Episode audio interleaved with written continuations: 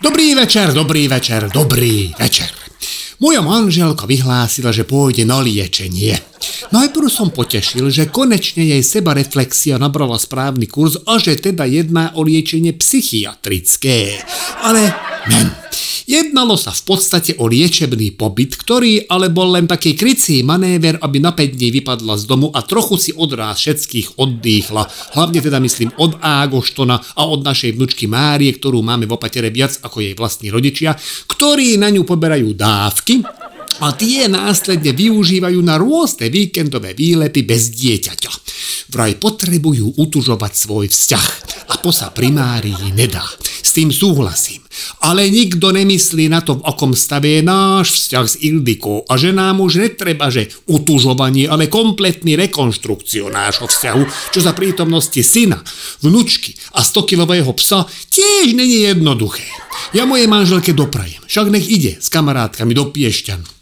Nech ju tam kto aj ohne cez koleno, jak ten maskot pred vchodom do areálu láme barlu. Mne je to jedno. Ale ak ma nechá doma samého s dvomi deťmi, však mňa jebne ešte skorej, jak ona načekuje na hoteli. Veľmi nesmelo navrhujem, že ak si ona zaplatila liečenie, tak ja si zaplatím óperku, ktorá mi pomôže s deťmi. Dostal som z pakruky facku, lebo nevedela, čo znamená óperka a myslela, že je to dojaký noblesný výraz pre kurvu. Keď som jej vysvetlil význam toho slova, tak som dostal druhú facku, lebo to jej bolo už úplne jasné, že si chcem do bytu nasťahovať mladú študentku, ktorú budem prážiť, len čo deti zaspia.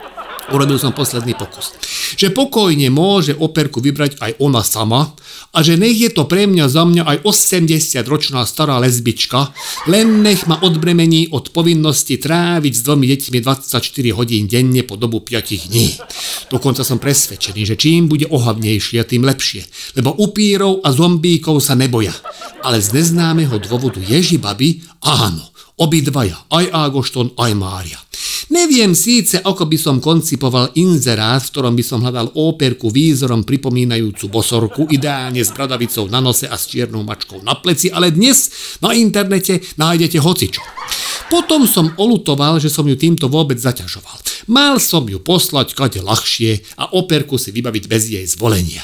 Teraz som v riti, lebo už mám v hlave chrobáka a určite mi bude na nečakané návštevy posielať všetky jej kamarátky, pri ktorých je zaujímavé, že vôbec nemá obavu, že by som ich mohol sexuálne zneužiť. Zas úprimne, ak by som vám ukázal ich fotografie, tak by ste pochopili, že to by som museli byť už velice zúfalí, aby som niekomu takému navrhol sex. Skôr obávam toho, že ma budú otravovať svojimi pokusmi, lebo napríklad jej kolegyňa Ujpapaky nemá vôbec problém nenápadne ma chytať zariť aj za prítomnosti Ildiko. Tak kam by asi jej ručička šmátralka smerovala, kebyže sme sami. Ildiko sa začala baliť. Večer som skúpeľne začul zvuk holiaceho strojčeka, ktorým si holila nohy a všetko s tým súvisiate, čo je podľa mňa jasný dôkaz toho, že Araby v Piešťanoch by sa mali mať na pozore. A ráno s dvomi kuframi, jak keby išla na dva týždne na Malorku, vyrazila. Dole ju už autom čakala kamarátka Iboja a ich vzájomné zvítanie bolo tak zvukovo intenzívne, že sa rozhúkali alarmy na troch najbližšie stojacich autách. Podobné zvuky sa ozvali, keď Gergej doniesol Máriu a pása zvítala s Ágoštonom, ako inak môj syn a moja milovaná nevesta si išli užiť vzťah do rakúskeho San Martenu, čo je pomerne exkluzívny wellness teste za hranicami. Vraj keby bolo najhoršie, pak mám volať. Úplne zbytočná veta.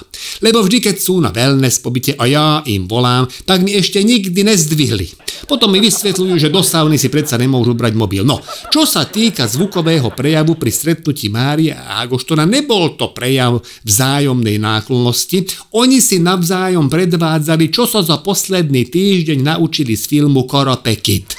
Ja som pochopil, že Mária sa naučila ako petou niekomu zlomiť nos, a Ágošton sa pre zmenu naučil, ako z otočky zo skrine skopnúť vázu, ktorá je vo výške asi tak 2 metre. Neprešli ešte ani 3 hodiny môjho opatrovníctva a mal som v sebe 3 lexauríny, rozdrbený aspirín a 4 baracpálinky, vďaka čomu deti ešte neboli zavreté v kôlni, ale som sa dokázal na ne milo usmievať. A to napriek tomu, že práve naspriovali nášho psa na rúžovo a z rolky hajzlového papiera mu vyrobili roh, ktorý mu prilepili na čelo. Náš syn fičí na kreslenke My Little Pony, v ktorom sú jednorožce, poníky a Pegasovia. A aby sa to vykompenzovalo, Mária pozerá Game of Thrones. Snažím sa vyzistiť, z koho chcú urobiť Pegasa a kto sa stane nejakou postavou zo seriálu Hra o trón, lebo e, mňa ako obec si vyberú určite, takže by som rád s nimi vydíloval, že ja by som si radšej strhol toho Pegasa a pokojne si aj sám vyrobím krídla. Toto rozhodnutie som olutoval, keď ma asi o 3 hodiny nútili, aby som vzlietol zo streky Kurín. Na môj argument, že som Pegas len akože a že reálne neviem lietať, ma začali presviečať, že zázraky sa dejú a že nikdy neviem kedy a že nech vyskúšam, inak to nezistím. Nechcel som im kaziť radosť a hlavne viem, že ak im niečo není po vôli, tak dokážu byť fakt, že hnusný. A pak som vzlietol. Ako by povedal Buzz Lightyear z filmu Toy Story, môj let bol len taký dlhší pád. Ustál som to bez zlomeniny. Pri dopade som sa krásne zabalil do kotrmelca, ktorý síce zlomil obe Pegasové krídla, ale ja som prežil. Bolo mi jasné, že musím iniciatívu zobrať do vlastných rúk a rozhodol som sa, že ich uštvem. Dal som si cieľ, že najneskôr o 8 musia byť obaja v posteli pupkom hore s pravidelným dychom, plus samozrejme zavreté oči k tomu. O 8 večer. Som bol hore pupkom ja, Dých aj tep som mal veľmi nepravidelný a úplne mimo doporučených hodnot. Oči som zavreté nemal, ale jedným mi cukalo a druhým som videl forebné škvrne. Plánovaná túra do lesa, ktorá mala ubrať synovi a vnúčke energiu, sa zmenila na neplánovaný útek pred medveďom, ktorý mal kokot energie na rozdávanie. Zachránil nás posed, na ktorý nebol schopný vyliesť, aj keď teda už bol blízko, a len vďaka tomu, že Mária použila svoj trik z Karate Kids, tak zahúčal dole takým štýlom, že už som mal normálne pocit, že sa chudák nepozbiera. Pozbieral, ale pri pohľade na naštartovanú Máriu uznal, že asi bude lepšie, ak pôjde nejakým včelám ujebať med, ako sa tu pachtiť s trojicou aj tak dosť vychudnutých bytostí. Túra do lesa bola teda náročná viac psychicky ako fyzicky a vyplavený adrenalín držal tých dvoch spratkov na vysokých otáčkach do neskorých nočných hodín. Rozprávka na dobrú noc na dnešné rozmaznané deti nefunguje. Kde sú tie časy, keď mňa moja babka uspala bo 10 minút rozprávkou o popoluške, takže ja som sa nikdy nedočkal ani len konca a vlastne až v 20 rokoch som sa dozvedel, že ako to celé dopadlo. Uvažoval som, že im do pukancov, ktoré si vypýtali k filmu Zombie Apokalypsa, zamiešam nejaké seda píva, ale netrúfol som si odhadnúť pomer. Oči mali zapichnuté do televízora a pak som rozhodol, že využijem a dám si aspoň rýchlu sprchu, aby som trochu zregeneroval telo a dušu. Neviem, ako dlho som bol v sprche, ale keď som vrátil do obývačky, tak telka bola vypnutá a Mária s Ágoštorom tam neboli.